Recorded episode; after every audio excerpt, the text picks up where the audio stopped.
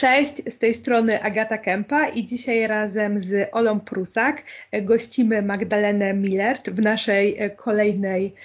w naszym kolejnym odcinku z cyklu, z cyklu miejskiego w podcaście KNPUJ.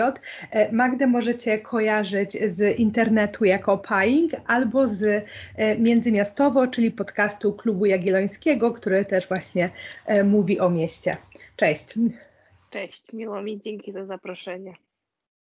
Tak, i w dzisiejszym podcaście będziemy e, z Magdą rozmawiać e, na temat e, miasta przyjaznego dla wszystkich, miasta inkluzywnego, miasta włączającego jak największą liczbę swoich mieszkańców. No bo tak jak mówiłyśmy już, jak to się przeplata cały czas w naszej serii miejskiej, często w, w dzisiejszym rozumieniu miasta zapomina się o mieszkańcach i często wkrada się w, w miasta y, jakiś chaos. Często jest to chaos też architektoniczny, e, więc o tym też chcemy trochę porozmawiać i mam dla Ciebie, Magdo, takie pierwsze pytanie, żebyś nam trochę wyjaśniła nami, naszym słuchaczom, o co chodzi z inkluzywnością w przestrzeni miejskiej. Dlaczego w ogóle teraz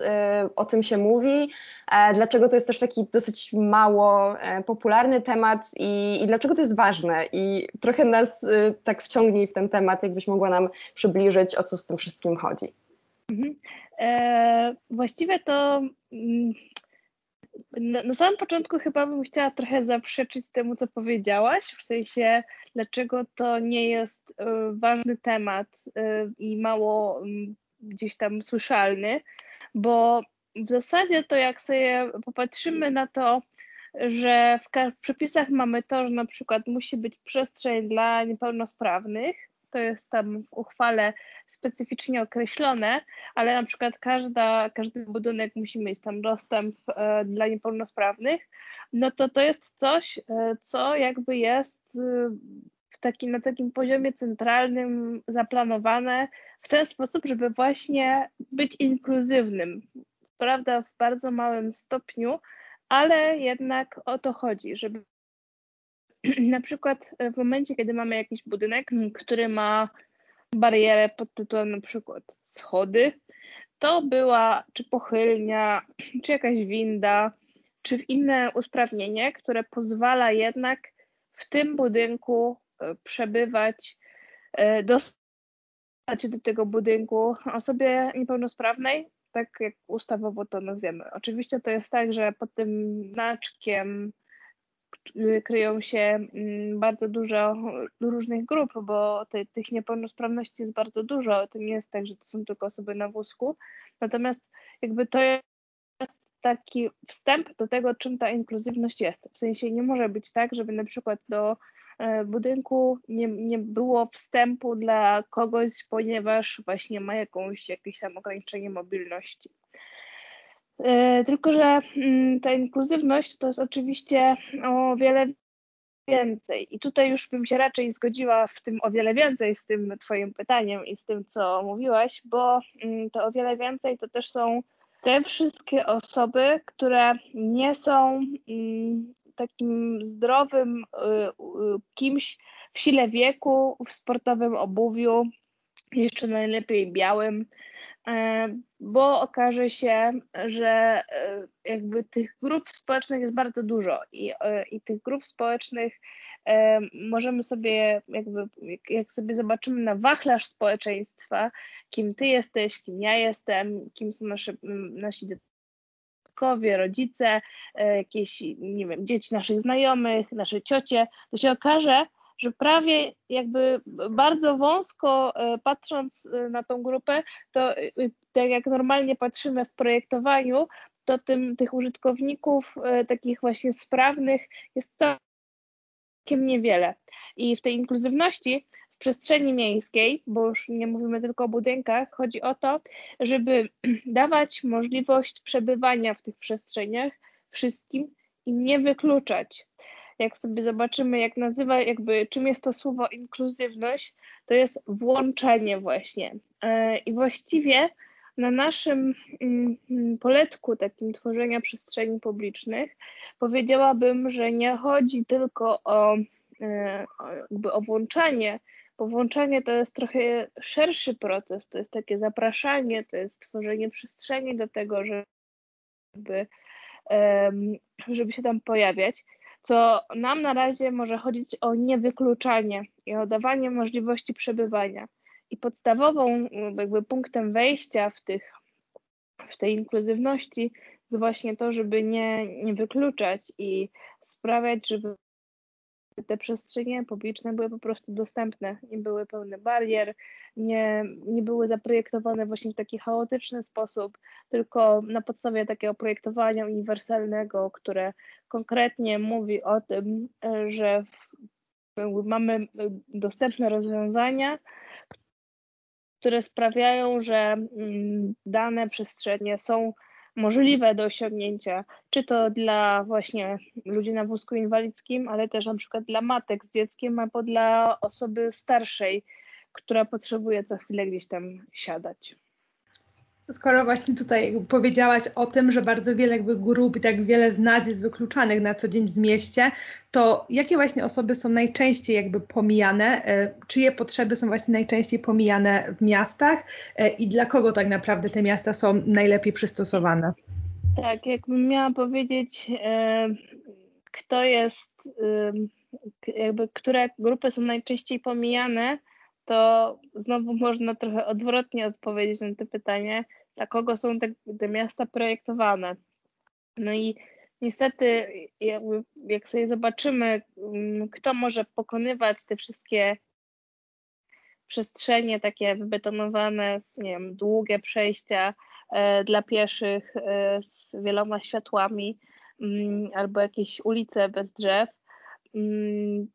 to okaże się, że właściwie jest to mm, osoba w średnim wieku, właśnie w sportowym obuwiu,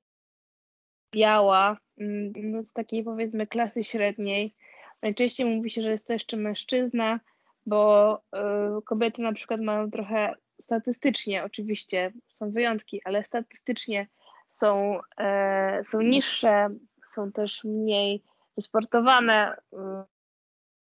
w sensie mają, no, są słabsze. E, mają też miesiączki co, co miesiąc, więc jakby są z natury troszkę słabsze. No i też są mniej odporne na na przykład temperatury.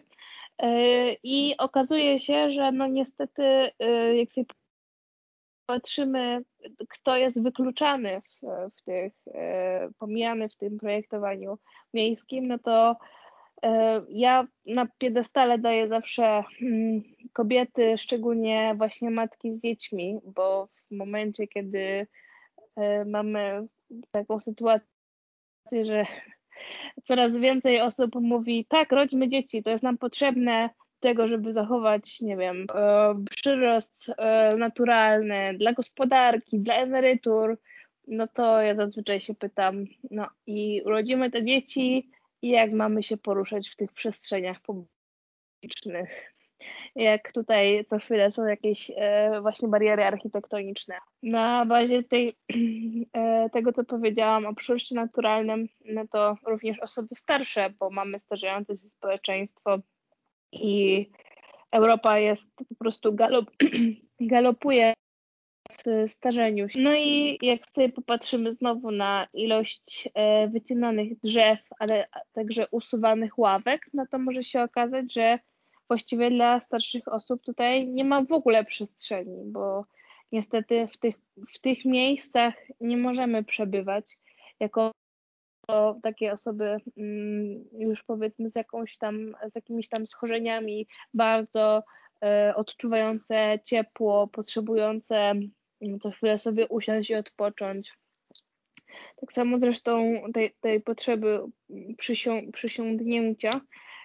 można poszukiwać w kobietach w ciąży, które zresztą są też wykluczane na przykład przez to, że nie ma toalet publicznych i w momencie, kiedy mieliśmy lockdown i e, nie działały również e, knajpy, to to było ogromne wyzwanie, jak się przespacerować, kiedy musisz iść sikać co, nie wiem, pół godziny, godzinę, właściwie no co chwilę, tak? E, no i okazuje się, że to są właśnie takie, takie przestrzenie wykluczające, mm, które nie są dostosowane dla, dla tych osób, ale to też są na przykład e, z tych grup wykluczających to też są na przykład dzieci, e, bo my bardzo mamy taką tendencję do tego, żeby uważać, że dziecko nie jest, nie wiem, pełne praw, nie jest obywatelem, nie ma mm, jakichś tutaj, nie wiem, swoich możliwości, swoich właśnie praw. Tymczasem dzieci są integralną częścią e, miasta, dzieci i młodzież i właściwie tyle, ile jest tych grup jakichś tam wiekowych e, w, w tym społeczeństwie dzieci, no to tyle właśnie powinno być uwzględnianych w tworzeniu tych przestrzeni. A de facto, jak sobie myślimy o dzieciach w mieście, no to myślimy o jakichś placach zabaw, które są najczęściej jakimiś takimi bieda placami zabaw na jakimś osiedlu deweloperskim, gdzie to jest po prostu jakiś e, bujak albo huśtawka na jednym miejscu parkingowym, jeszcze ogrodzone takim panelem e, z, prawda, za 12 50 za metr i uważamy, że spoko, jakby zaprezentowaliśmy super przestrzeń e, i w ogóle jesteśmy super inkluzywni. No więc e, tak, jakby można by było jeszcze dalej kontynuować, ale generalnie te wszystkie osoby, te wszystkie, nie wiem, mniejszości etniczne, wszystkie te osoby, które nie są e, właśnie takim sprawną, sprawną osobą w siedem wieku, zdrową, bez żadnych chorób,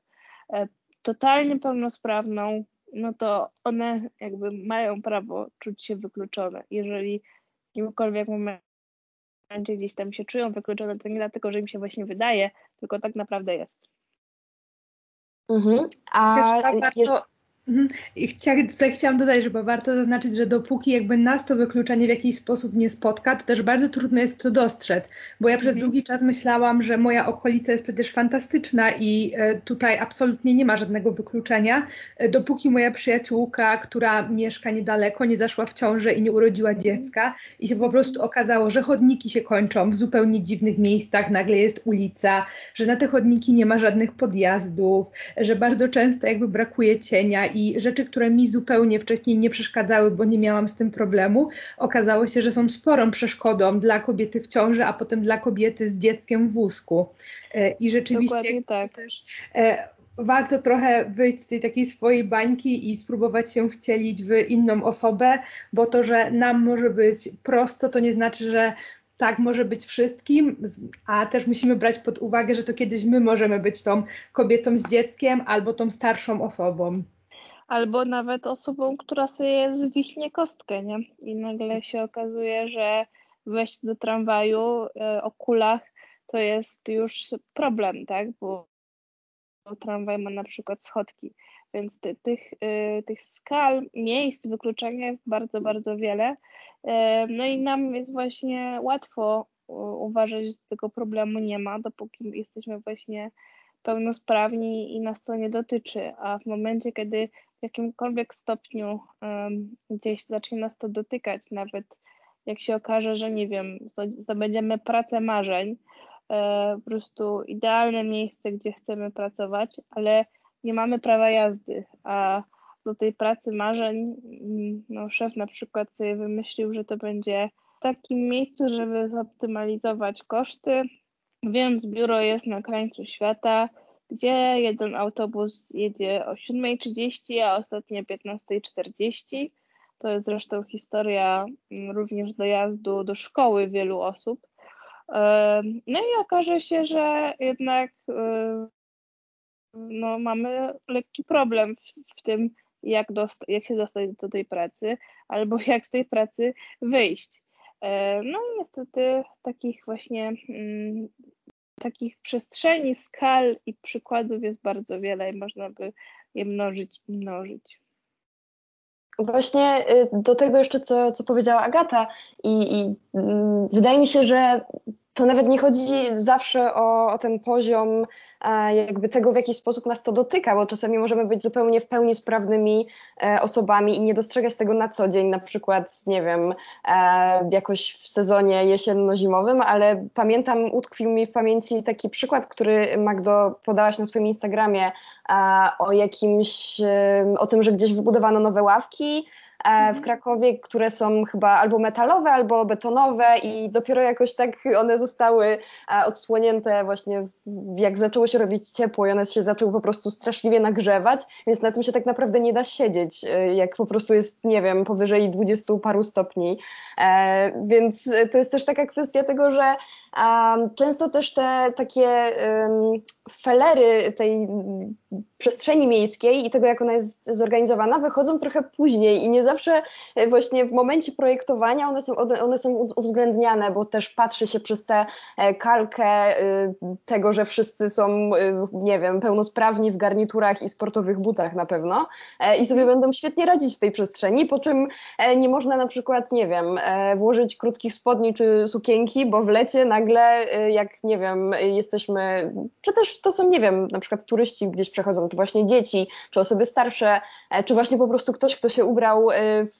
coś, co odsłania trochę nogi i nie da się na, na takiej ławce usiąść. Więc to są właśnie takie też absurdy, o które też chciałabym Cię trochę podpytać, e, jakbyś mogła przytoczyć jakieś takie e, czy ciekawe, czy może trochę, nie wiem, takie zapadające w pamięć e, przykłady takiego, takiego absurdu w przestrzeni miejskiej, czy właśnie może takiego wykluczenia infrastrukturalnego, takiego, o którym zupełnie nie myślimy na co dzień. Um, I to mogą być, nie wiem, przykłady z Krakowa, spoza Krakowa, bo, bo ty też jesteś związana z Krakowem i większość naszych słuchaczy też e, orientuje się bardziej w Krakowie, więc e, byłabym wdzięczna za takie przykłady ciekawe. Mhm. E, no tak, jakby podałyśmy już tutaj całkiem sporo tych przykładów. Ja na przykład dzisiaj um, pierwszy raz odczułam um, przedziwną sytuację, ponieważ no, y, nagrywamy to w momencie bardzo dużych upałów. I czekałam sobie dzisiaj na komunikację zbiorową. Y, i tak się stało, że akurat na y, przystanku standardowo nie było nikogo, tylko wszyscy stali za przystankiem, bo E, przystanki niestety przypominają e, szklarnie, więc niekoniecznie mm, każdy się chce gdzieś tam, każdy sobie chce empatyzować z jakimś ogórkiem szklarniowym i czuć się jak taki właśnie ogórek. E, I to, to jest jedna sprawa, że właśnie sobie wszyscy gdzieś tam czekali w cieniu tego przystanka, przystanku albo w okolicy tego przystanku, gdzie są jakieś tam drzewa i można sobie pod tymi drzewami e, przysiąść. Natomiast ja jeszcze e, dzisiaj e, w trakcie dnia mm, byłam na chwilę w mieszkaniu i wyszłam i zmieniłam buty e, z takich e, na, z grubszej podeszwy na cienką podeszwę. I po pierwsze, przechodząc e, gdzieś po jakimś takim nierównym chodniku, prawie zgubiłam buta, ponieważ roztopił się asfalt z tego, z tego ciepła, więc myślę sobie, że na przykład o takich rzeczach dziś mało mówię i to jest dobra przestrzeń, żeby na przykład to poruszyć, że, że faktycznie tutaj jakoś coś złego się zadziało, bo jak sobie myślę o tym, że e, idę z wózkiem z dzieckiem i ten wózek waży 20 kilo i nagle mi się gdzieś tam grzęźnie w asfalcie, e, albo nie daj Boże muszę na przykład na takim asfalcie gdzieś, nie wiem, poczekać na światła i to się wtedy dzieje, no to myślę sobie, że E, to byłaby fatalna sprawa i bardzo niebezpieczna, problematyczna. Natomiast druga rzecz, którą zauważyłam, to też to, że ta kostka brukowa się też strasznie nagrzewa i po prostu normalnie jakby czuć to przez buty. I e, te wszystkie osoby, zwłaszcza właśnie, które więcej chodzą, czyli e, gospodynie domowe, opiekunki dzieci, tak dalej, jakby są jeszcze bardziej wyeksponowane na, na to ciepło, na ten gorąc, ponieważ no, jakby przebywają na tych przestrzeniach. Yy, kolejnym ciekawym aspektem jest też to, że na przykład mamy taką tendencję do tego, żeby tworzyć budynki, zwłaszcza takie e, urzędy publiczne w taki sposób, żeby na wejściu były jakieś tam monumentalne schody pokazujące, że albo to jest właśnie taki monumentalny budynek i on jest, prawda, to jakiś splendor władzy. Mm, i ty się masz poczuć słabo człowieku przy takim budynku, ale też jakby niekoniecznie w tym budynku ten, e, ten aspekt jakiejkolwiek może e, ograniczenia ruchu, ograniczenia mobilności jest też e, uwzględniany, to znaczy jest jakaś tam winda, ale na to jest autentyk, jest winda z tyłu budynku, do której można się dostać ulicą dojazdową, która przy okazji jest też pewnie zapewnia E, bezpieczeństwa pożarowe, ale niestety ta ulica jest zawalona samochodami, ponieważ oczywiście trzeba przyjechać samochodem. No i w momencie, kiedy właśnie jakby mamy coś takiego, to, to jest takie totalne wykluczenie. W sensie to jest nie dość, że wykluczenie takie barierowe, to jeszcze jest jakiś mm, dochodzi do tego taki aspekt e, psychologiczny, w sensie bardzo łatwo y, powiedzieć komuś w ten sposób, nie jesteś tu mile widziany, nie jesteś częścią społeczeństwa, nie załatwimy twojej sprawy. Bo jeżeli właśnie jest jakby taka taki mocny próg wejścia pod tytułem nie, nie można się dostać do budynku, nie ma żadnej możliwości, nie wiem, trzeba czekać jak ktoś przejdzie, żeby co, żeby ktoś wszedł i powiedział, czy można, nie wiem, coś zrobić, żebym się dostał, dostał do budynku, to jest w ogóle jakaś absurdalna sytuacja. No i niestety e, no takich miejsc jest mnóstwo. Tu jakby to, to jest taki, e, to co opowiadałam jest bardzo takim obrazowym przy, przykładem, ale sobie pomyślimy o ilości, nie wiem, przejść typu, nie wiem, rondo magilskie, gdzie macie E,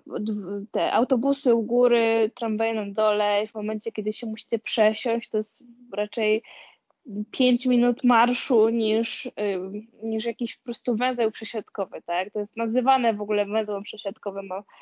przecież wcale nim nie jest. To jest jakiś węzeł do chodzenia, a nie do przesiadania się. E, e, nie wiem, rondo czy Brzyńskie, tak samo jak większość rond w Warszawie z przejściami podziemnymi, gdzie niekoniecznie działają windy, ale na przykład, albo na przykład działają, ale się nie zmieści tam wózek z dzieckiem, e, albo się człowiek gubi, bo nie wiadomo, w którą stronę wyjść, bo są e, słabe, słabe oznaczenia. I na przykład e, ja na przykład zawsze w Warszawie się strasznie gubię na tych, e, w tych przejściach podziemnych i to jeszcze przy dworcu, kiedy zawsze jestem z walizą, więc e, uważam, że miasto stołeczne na przykład bardzo dba o kondycję swoich obywateli oraz wszystkich przyjezdnych, tym, że tam zapewnia taki fitness, po prostu na surykatkę co wyjście z tego, z tego przejścia podziemnego, aż w końcu trafisz na dobre. E, no i do tego jeszcze pewnie te rzeczy, o których już tam gdzieś wspominałam, czyli um, czyli te ławki, nie wiem, brak zieleni, brak cienia, to są te wszystkie gdzieś tam e, przykłady, które możemy wymieniać e, wciąż i wciąż w różnych miejscach, w różnych lokalizacjach, bo to się przecież wszędzie dzieje tak naprawdę. Teraz co sobie nie odpalimy jakąś rewitalizację, tu u nas teraz jest modny mm, plac, plac Świętego Ducha, e, nazywany placem ani żywego ducha, ponieważ został pięknie znowu wybetonowany, zostały postawione na nim jakieś takie zegary, które nie wiem, co mają symbolizować, ale no na pewno nie zachęcają, nie, są nie jest to in, inkluzywna przestrzeń, która um, która zachęca do spędzenia, zachęca, tego, te, zachęca do spędzania czasu e, w, w tych przestrzeniach. No i mm, muszę tutaj jeszcze dodać jedną rzecz, że mm, to wykluczenie e, ma też różne skale. I to do tej pory, o czym mówiliśmy, mówiłyśmy, to było skale takie mikro, czyli takie elementy właściwie.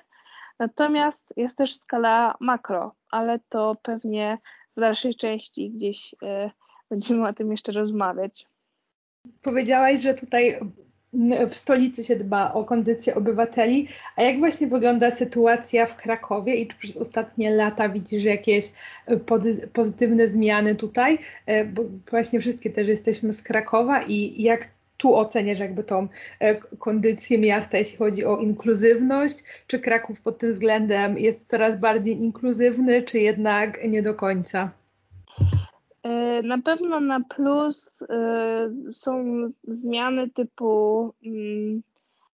jeżeli już coś na jakoś tam remontujemy, na przykład e, ulicę Krakowską, no to tworzymy mm, tam przestrzenie, gdzie na przykład są obniżone krawężniki, tak żeby było łatwo wjechać czy wózkiem z dzieckiem, czy, czy wózkiem z osobą z ograniczeniem ruchu. E, czy też osobom starszym albo nie wiem, właśnie dzieciom, e, które no, mają jakiś tam problem z e, podnoszeniem nóg na przykład. Natomiast jakby to z takich, takich infrastrukturalnych rzeczy jest tak, że, że, że, że dzieje się, dzieją się jakieś tam właśnie rzeczy, rzeczy in plus. I jeżeli właśnie w, w takim, na takim poziomie występowania barier to coś się fajnego zaczyna dziać yy, i to jest bardzo, bardzo mm, sympatyczne patrzeć to. Mniej sympatycznym jest yy, patrzeć na to, jak się jednak ten Kraków dalej betonuje yy, i nie możemy mówić, że jesteśmy zielonym miastem, bo naprawdę nie jesteśmy. Te, te zielenie, które są często podawane w różnych statystykach, no niestety są na przykład zielenie przyklasztorne, więc one nie są mm, dostępne dla zwykłego zjadacza chleba, mm, szczególnie właśnie w takich przestrzeniach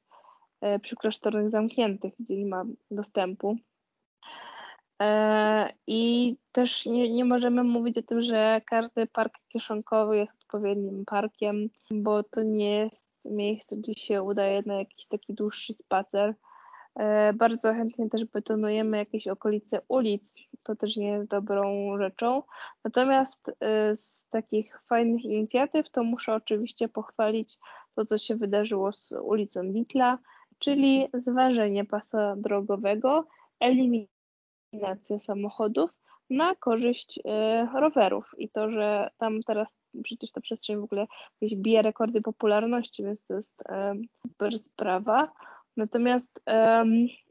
też trzeba powiedzieć, że na przykład w momencie, kiedy robimy dobrą infrastrukturę rowerową, bezpieczną, odseparowaną, to tam bardzo chętnie pojawiają się no właśnie takie e, osoby, które nie są takimi, wiecie, turborowerzystami, e, okutymi w jakąś tam lekrę i w ogóle z e, kaskami, mm, okularkami, mm, tylko tacy zwykli rowerzyści zwykłe rowerzystki, które chętnie wtedy właśnie korzystają z tych przestrzeni. I na pewno właśnie takie dawanie takich przestrzeni i zapewnianie, że e, to jest ich pas ruchu i ich przestrzeń, e, o którym właśnie nie muszą gdzieś, nie wiem, na łokieć walczyć z, z zbliżającym się samochodem, to jest coś, co, e, co się zadziało super fajnego w, w Krakowie. To właśnie cieszę się, że, że aż tyle tych rzeczy wymieniłaś, bo w sumie y, raczej mówi się o Krakowie raczej z tej perspektywy takiej negatywnej, właśnie y, betonozy i, i tak dalej. Krytykować właśnie... jest łatwo. tak, tak, ale mam, mam, mam nadzieję, że, że to wszystko zacznie A jeszcze, to jeszcze kierunku. jedną rzecz, wiesz co, przypomniało mi się jeszcze jedną rzecz, to dam w takim razie, bo ostatnio była y, straszna burza i wpadła u lotników polskich zrobiono polder, czyli taką nieckę, która jest obrośnięta taką trawą wyższą e, i okazuje się, że to super zebrało wodę i właśnie utworzyło się jeziorko. I to też jest rzecz, która jest nam super potrzebna ze względu na zmiany klimatyczne. Więc to tak jeszcze na marginesie do, dorzucam, ale jak nas ktoś słucha, kto jest spoza Krakowa, to niech to zaproponuje w swoich miastach. Ogrody deszczowe i poldery, bo to jest naprawdę super rzecz. Właśnie to jest e, kolejna ciekawa e, taka kwestia, jeżeli chodzi o wyzwania dla miast, żeby właśnie przystosowywały się do, do zmian klimatycznych, do tego, że właśnie e, muszą się wreszcie ocknąć z tego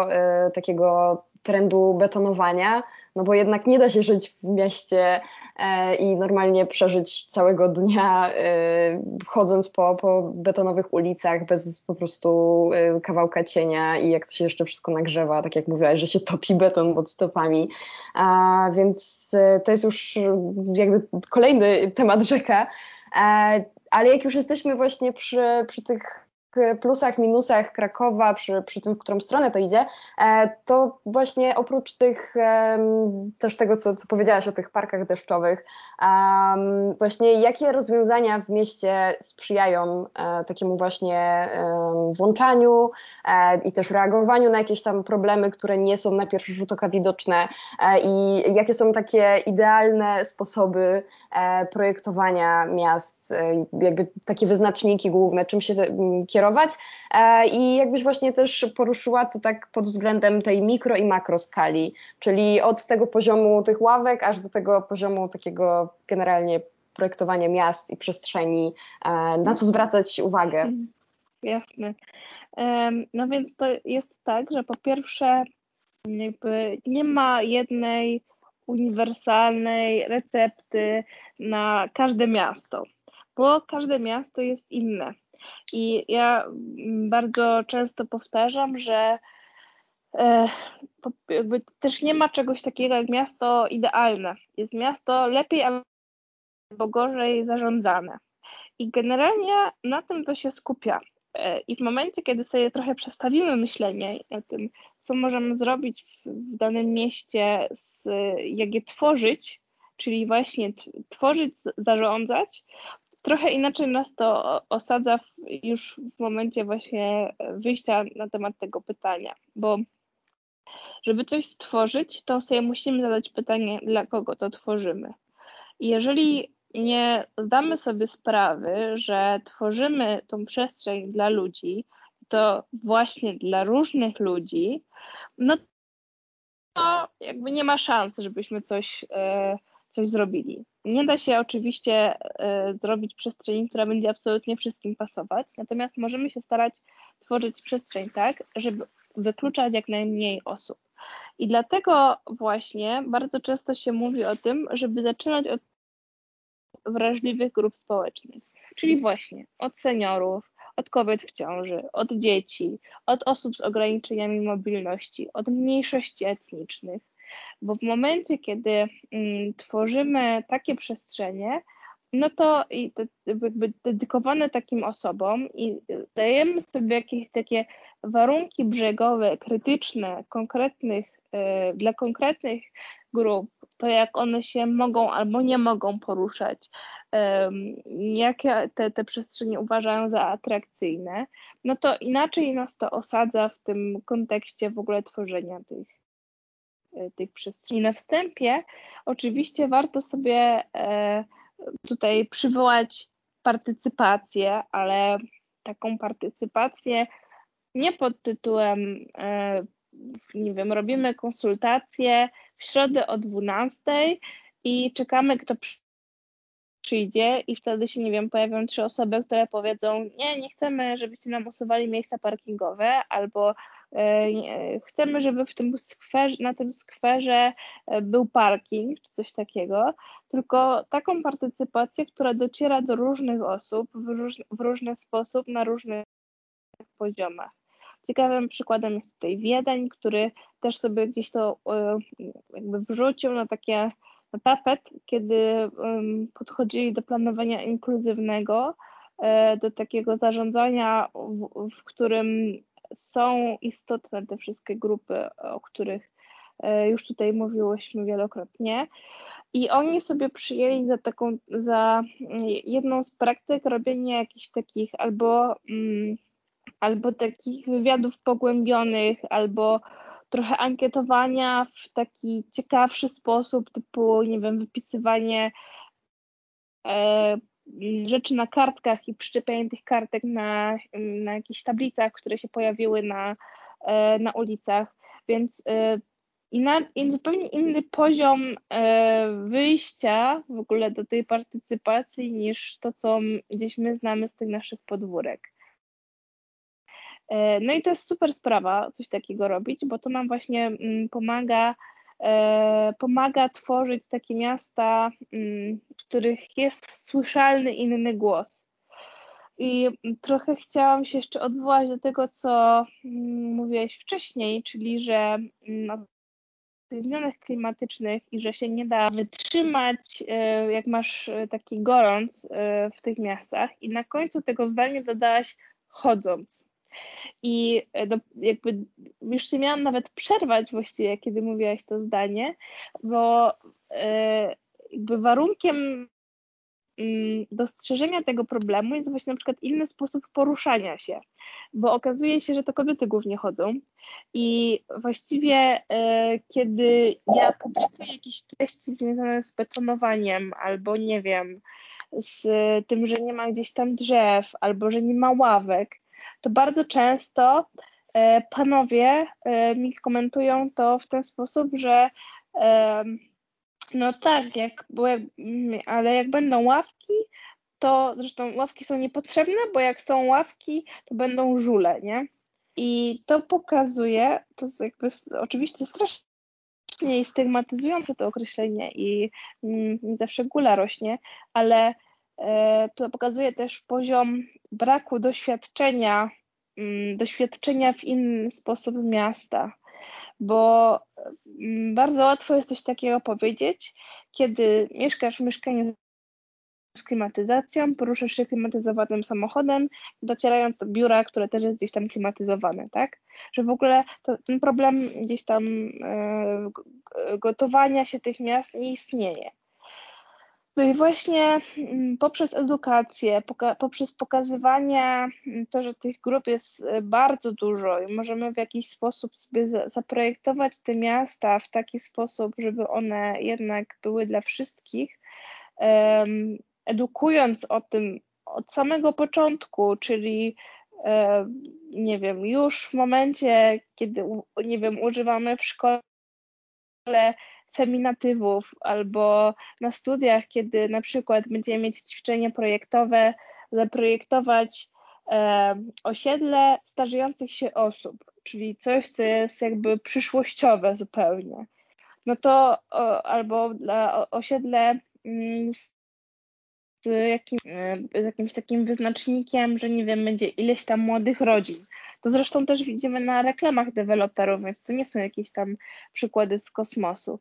Y, I, i gdzieś warunkując to, to projektowanie y, w pewien sposób, ukazując taki pryzmat tego społeczeństwa, takie różne gdzieś tam y,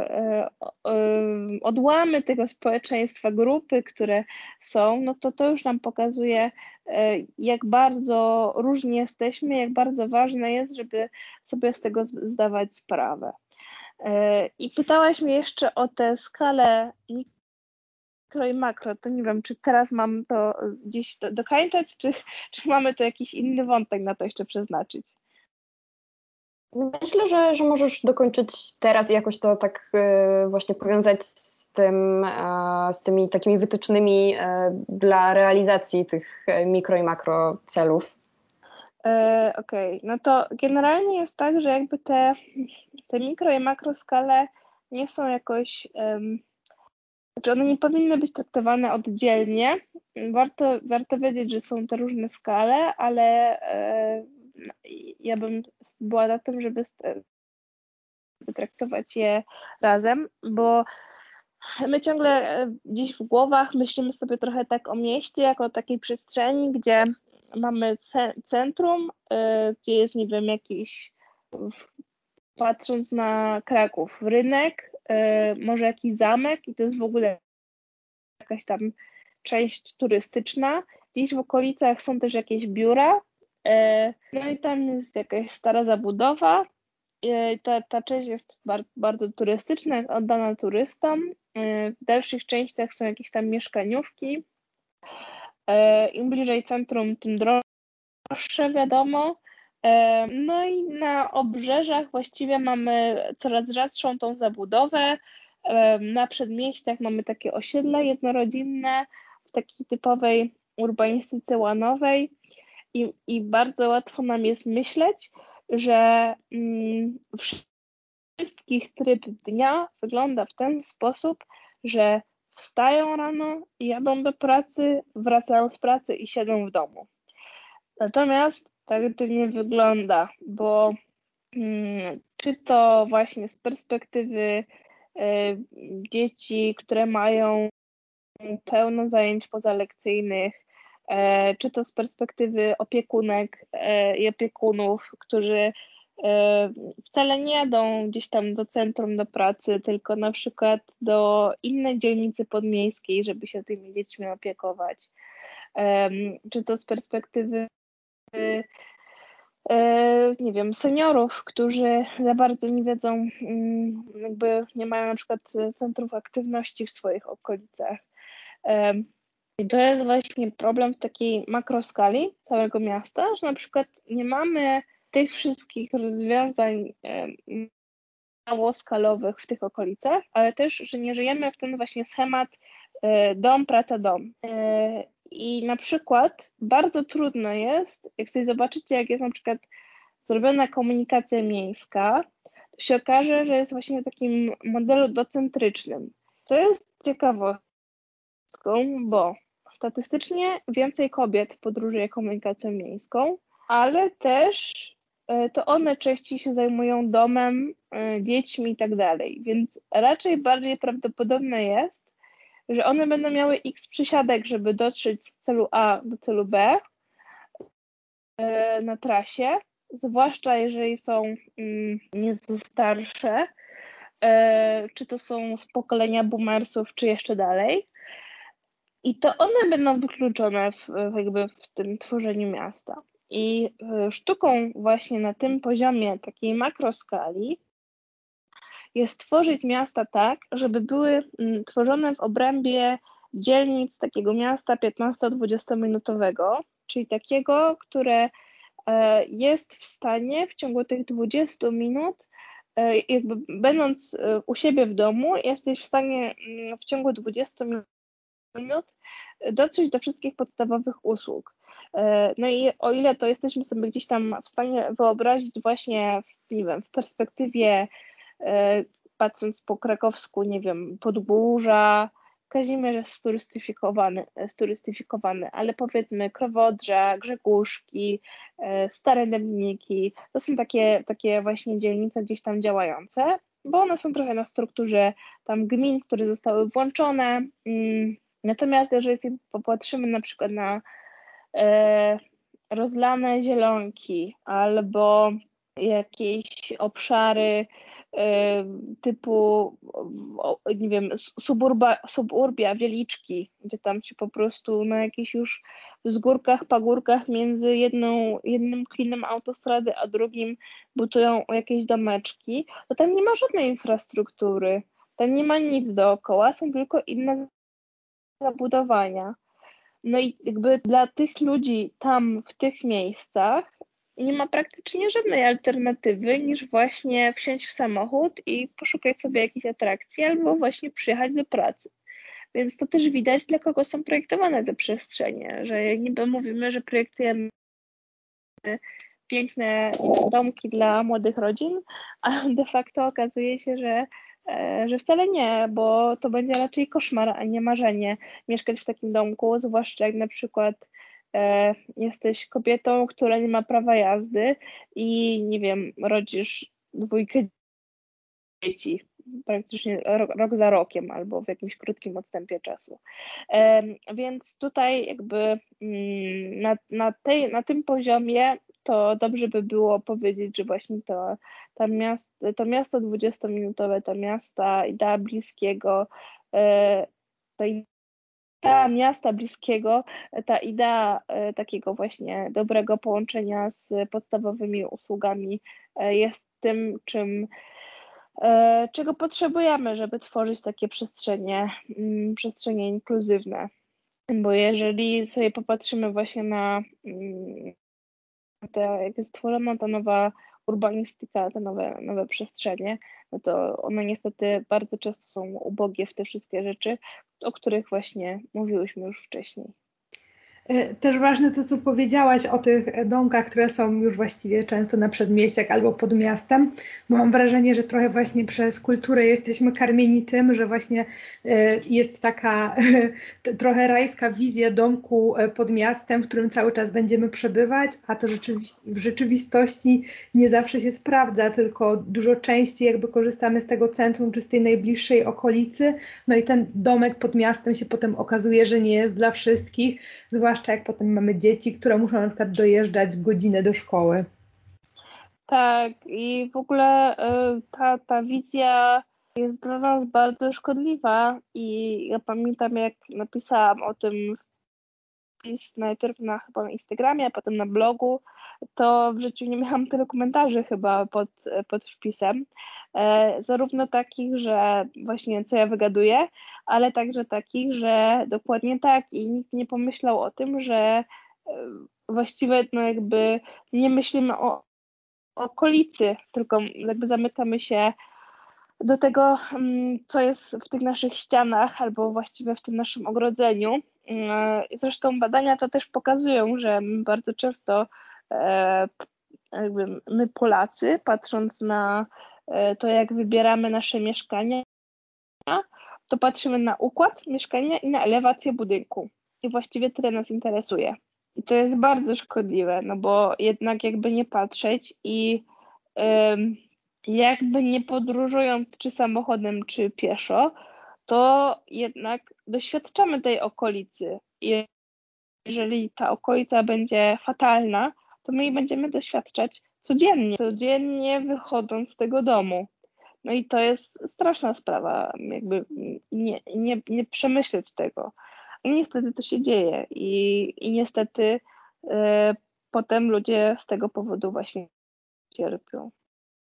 Dlatego też te miasta e, inkluzywne są tak bardzo istotne, bo to po prostu są miasta sprzyjające ludziom, czyli nam, bo jednak nie mieszkamy tylko w tych czterech ścianach, tylko w tej całej okolicy, która nas otacza. I to też jest taki podobny wniosek, e, o którym ostatnio rozmawiałyśmy z Olą, z Kubą Kucharczukiem w czasie naszej poprzedniej rozmowy. I tam co prawda w większości było o rowerach, e, ale jednak też doszliśmy jakby do tego, że ta infrastruktura powinna być sprzyjająca, bo mieszkamy jakby w tym całym mieście, w tej okolicy, a nie tylko właśnie w tam 30, 40 czy 50 metrach kwadratowych. Dokładnie tak. E, I to tak może na koniec, w jaki sposób myślisz, możemy dbać właśnie o tą naszą e, okolicę, e, w jaki sposób właśnie zwracać jakby uwagę na to? I jak właśnie być trochę takim mm, aktywistą, który dba o tą swoją przestrzeń, gdzie się należy zwracać, co możemy zrobić, żeby ta nasza okolica, w której już mieszkamy, była bardziej inkluzywna i bardziej proludzka. Dobra, to właściwie bym zaczęła od tego, że nie trzeba być aktywistą i nie każdy mm, jest stworzony do tego, żeby tym, tym aktywistą albo tą aktywistką być. I właściwie to można rozbić na wiele szczegółów, bo to może być tak, że możemy na przykład pisać sobie jakieś tam budżety obywatelskie, projekty tych budżetów i starać się, żeby wszyscy głosowali na ten nasz projekt, ale też możemy na przykład y, chodzić i obserwować, co się dzieje w okolicy i zastanawiać się, jakby na przykład, co się zmieniło, bo to też jest jakaś taka, powiedzmy, mm, funkcja trochę watchdogowa, bym tak powiedziała. Możemy sobie, nie wiem, pisać, jeżeli jesteśmy młodą matką, to możemy sobie pisać z młodymi matkami, na grupce, żeby na przykład y, powstał jakiś bardziej ekologiczny mm, park, y, plac zabaw albo właśnie park. Możemy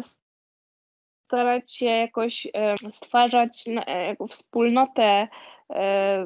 wokół jednego bloku, nawet tam, gdzie mieszkamy, nie wiem, spróbować stworzyć albo jakiś, nie wiem, warzywniak, albo jakiś ogród deszczowy, który e, będzie w, na naszym mm, kosztem na przykład jakiegoś tam rozbetonowania danej przestrzeni. E, więc no, jakby tych, tych płaszczyzn jest bardzo dużo Może być też tak, że możemy po prostu, nie wiem, zainteresować się historią naszej dzielnicy, a potem gdzieś tam spotkamy ludzi, którzy działają Możemy sobie sprawdzić, jakie są organizacje, fundacje w, w, naszym sąsiedztwie, co oni robią. To też nie jest tak, że każdy musi być takim aktywistą, e, że nie wiem, trzy razy w tygodniu chodzić z jakąś tam pikietą albo mm, nie wiem, ogląda wszystkie obrady e, Rady Miasta, więc no mm, to też ma różne skale i generalnie po prostu zachęcała do tego, żeby szukać sobie informacji i rozmawiać z ludźmi, bo okazuje się, że mm, bardzo dużo ludzi ma jakąś taką potrzebę zmiany, niekoniecznie wiedząc, gdzie z tym, co z tym można zrobić. Więc y, jakieś takie googlowanie tego, co się dzieje dookoła, rozważanie tego, czy to się dzieje dobrze, czy nie. Może niekoniecznie, nie wiem, komentowanie wszystkiego, ale na przykład próba zrozumienia drugiej strony, dlaczego tak jest, z czego to wynika, jaka tutaj potrzeba nie została zapewniona. To są takie ciekawe aspekty pod względem takim społecznym miasta. E, to jakby i na tym poziomie gdzieś tam rozmyślania e, nad, nad tematem tworzenia miasta też jest super ciekawe, więc, y, więc takie rzeczy, a przy okazji też y, no, nie byłabym sobą, gdybym nie powiedziała tego, że nie bać się zgłaszać pewnych nieprawidłowości, w sensie jakby my już nie żyjemy w epoce donosu i naprawdę zadzwonienie na straż miejską, jak y, zaparkowane są samochody w ten sposób, że nie można przejechać z wózkiem, a pamiętajmy, że przepisy mówią o tym, że półtora metra musi być zostawione na chodniku po to, aby mm, móc swobodnie się po nim poruszać, jest po prostu wykroczeniem i, i tutaj jakby nie ma co, co mówić, że, że nie jest inaczej, więc te, te rzeczy spokojnie możemy zgłaszać, zachęcam do tego. Nawet jak nie przyjadą, to y, mówmy o tym innym znajomym i mówmy o tym, że mm, jakby ta przestrzeń ma być dla wszystkich i nie możemy jej tak swobodnie oddawać, bo wszyscy jesteśmy częścią miasta, a miasto jest dla ludzi. I też na pewno też e, na pewno dużą rolę pełni e, edukacja i takie zwiększanie świadomości e, wśród ludzi, bo czasami po prostu też nie zwracamy uwagi na pewne rzeczy, które się zmieniają i jakieś takie niuanse, no tak jak już padło na początku naszego dzisiejszego spotkania, że też nie zawsze jako młode, pełnosprawne osoby jesteśmy w stanie zauważyć wszystkie rzeczy, więc to jest też kwestia poszerzania swojej jakiejś tam świadomości i nie wiem, może wrażliwości społecznej i czegoś takiego. Więc w tym celu też e, polecam wszystkim śledzić działalność e, Magdy e, zwłaszcza w mediach społecznościowych, bo naprawdę e, ja odkąd tam się temu przyglądam, to też zwracam uwagę e, na dużo więcej rzeczy i sama po sobie widzę, że e, zupełnie inaczej przechodzę przez miasto, też zwracając uwagę na zupełnie inne rzeczy, e, więc też bardzo Ci za to dziękuję. E, bardzo się cieszę, że tak to właśnie jest. To jest po prostu miód na moje serduszko. I też bardzo Ci dziękuję za to, że e, zgodziłaś się dzisiaj z nami porozmawiać i tak przybliżyłaś naszym słuchaczom i słuchaczkom e, ten ciekawy temat i wciąż e, temat, o którym dosyć mało się mówi, bo w sumie zastanawiałyśmy się wcześniej przed nagraniem z Agatą, czy znamy kogoś, kto w podobny sposób edukuje o mieście jak Ty i bardzo było nam ciężko wymienić takie postaci, więc e, oby było o tobie głośniej i oby ta twoja mhm. działalność e, przynosiła coraz większe efekty też, e, żeby do, jakoś dotarła do, do osób decyzyjnych i też dodawała takiej odwagi do, tak jak mówisz, zgłaszania jakichś rzeczy i też może takiej działalności bardziej e, obywatelskiej, na zasadzie też zgłaszania jakichś projektów do budżetu obywatelskiego i śledzenia tego wszystkiego, co się dzieje wokół nas. E, więc dziękuję Ci bardzo e, i Tobie też, Agato, za dzisiejsze spotkanie. Bardzo mi było e, miło posłuchać i brać udział w tej rozmowie. Mam nadzieję, że osobom, które nas słuchały również i e, tak jak zwykle zachęcamy do e, śledzenia naszego podcastu, do słuchania go No i też, tak jak już mówiłam, do przyglądania się temu, co robi w sieci